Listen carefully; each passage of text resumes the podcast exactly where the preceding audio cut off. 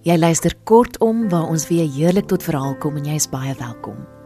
Ons gaan vanaand luister na 'n kort verhaal uit die pen van Petra Miller. Ek het daarop afgekom juis oor die naweek op Moedersdag. Sy noem dit Muis. Ek het dit gekry in die nuwe Afrikaanse prosa boek, saamgestel deur Sonja Loots en Stewart van Wyk en uitgegee deur Iman en Resou in 2019.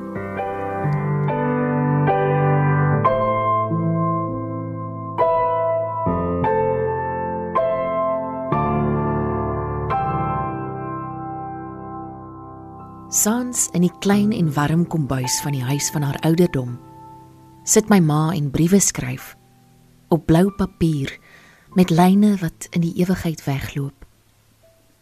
Sy is oud en kan nie meer beweeg nie. Haar liggaam het onder haar verkrummel na die dood van haar geliefde kind. Dit het lank gelede gebeur, maar dit het ook lank geneem vir haar liggaam om te verkrummel.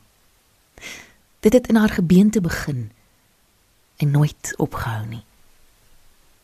Party mense noem dit osteoporose. 'n Mooi woord. Ook reeds deurskynend, so sê. Jy sou haar 'n bonneltjie beender porselein kon noem. Die kalk spoel uit en gaan terug grond toe waarvandaan dit gekom het. Daarna het sy twee rugwervels gebreek en toe het die kwaai rugpyn gekom wat gemaak het dat sy sans nie wil gaan slaap nie. Want die neerlê beteken nog meer pyn. Dit sou 2 jaar duur voordat die rugsene weer afgesterf het. So kom sy in die gewoonte om saans voor die vuur by die kombuistafel te skryf. My ma laat kom vir haar van Tomlinson se winkel die blou belynde papier waarop haar gedagtes so moeiteloos voortvloei. Sy is 'n stroom verhale wat nie ophou nie en wat nou nog gebeur. Daar is iets in haar skrywe wat die tyd verslaan. Hoe pragtig is haar handskrif nie. 'n Melodiese rondheid aan die letters. Asof elkeen op die regte oomblik gebeur. Dit is die handskrif van Miss Dippenaar, die skooljuffrou wat in die Old Training College in Queen Victoria Straat geleer het hoe belangrik dit is dat 'n mens jou letters moet staan maak op 'n reeltjie. Haar emme staan dus ferm geplaas. In die krul van die G is 'n lussie wat toefou. Eers reg aan die einde van haar lewe sal die suurlikheid volkome val wanneer haar verswakte vingers nie meer die pen se skag kan vind nie. Dan maak dit nie saak nie. Dan het sy reeds klagloos in haar slaap gesterf. Dan het sy reeds op 'n horison teruggekyk nadat sy alles van haarself verskenk het en gewigloos van ons pad gegee. 4 dae voor my vertrek na Israel en net betyds vir 'n stil begrafnis.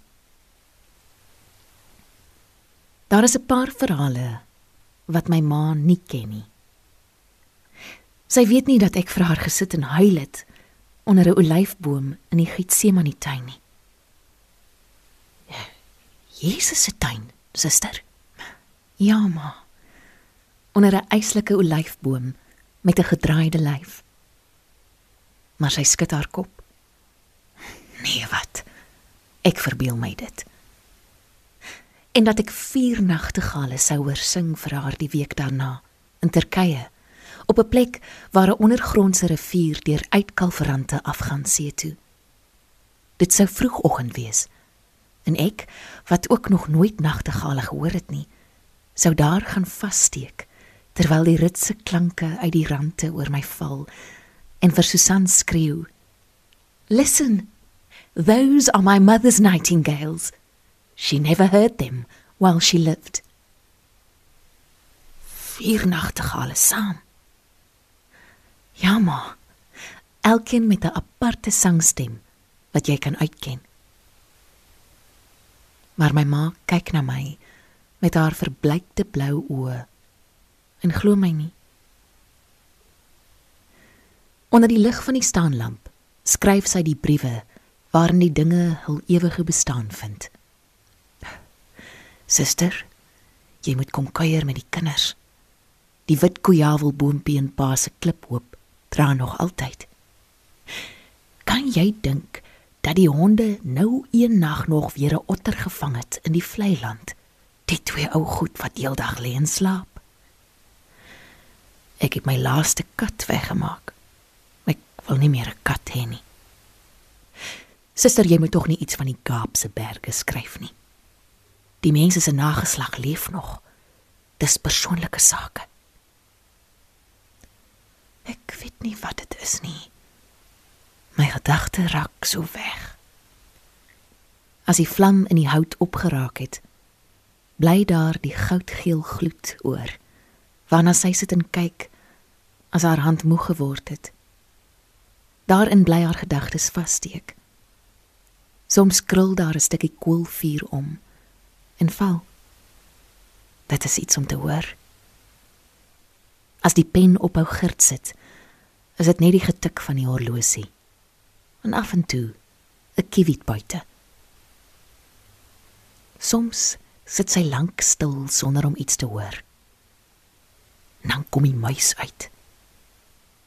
My ma het vir haar 'n muismak gemaak in die aande as sy alleen sit in die kombuis. Eers het hy net ver langs gehou, skryf sy.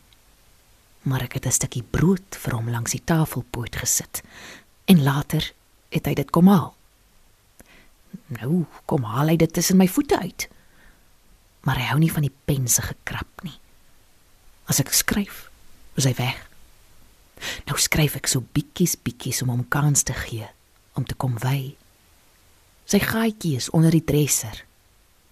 Elsie weet hy's 'n muis. Sy kry die drolletjies bedags en dan brom sy. Maar ek sê haar nie waar hy hou nie. Later skryf my ma.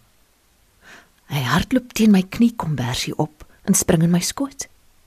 Ek wonder wat hy dink waar hy is moet tog nie vir Elsie van my muis sê as jy kom nie. Skryf my ma. Ek en my ma is dankbaar as die drie raserige seuns saans in die bed is. Ons sit onder die lig van die lamp langs die kombuistafel. Ek rafel aan my ma se lewe. Maar my ma het moeg geword van stories vertel. Waarom kom ek altyd op dieselfde goed terug? Sy het my tog soveel keer vertel van die Gaap se verskriklike donderstorms en die wille pere in die krippelhout van die Jonas kliphuise en van Pieter en Barend. Slank gelede. Sy onthou nie meer nie. Dit was gewees. My ma se oë kyk na die spleetjie donkerte onder die kombuiskas. Ek sal vir jou skryf as ek iets onthou maar sy skryf niks meer daarvan nie. Sy skryf Ek wonder hoe oud word 'n muis. Weet jy? Elke keer as ek op die plaas kom, probeer ek die kinders vroeg wegkry bed toe. Ek wil by my ma wees, solank sy nog onder die lamp langs die tafel sit. Maar my ma sê klarig: "Gaan slaap jy nou maar, die dag was lank." Sy sit en rol broodbolletjies tussen haar vingers. Mettertyd verstaan ek dat ons te veel geword het vir haar. Die kinders se gewig op haar skoot te veel. Die gepraat en gevra te veel vir haar kop. Haar hande val los weg uit ons greep. Hulle pyn. Sy kan nie meer die pen vashou nie. En dit duur baie lank om die muis weer mak te kry na ons besoek.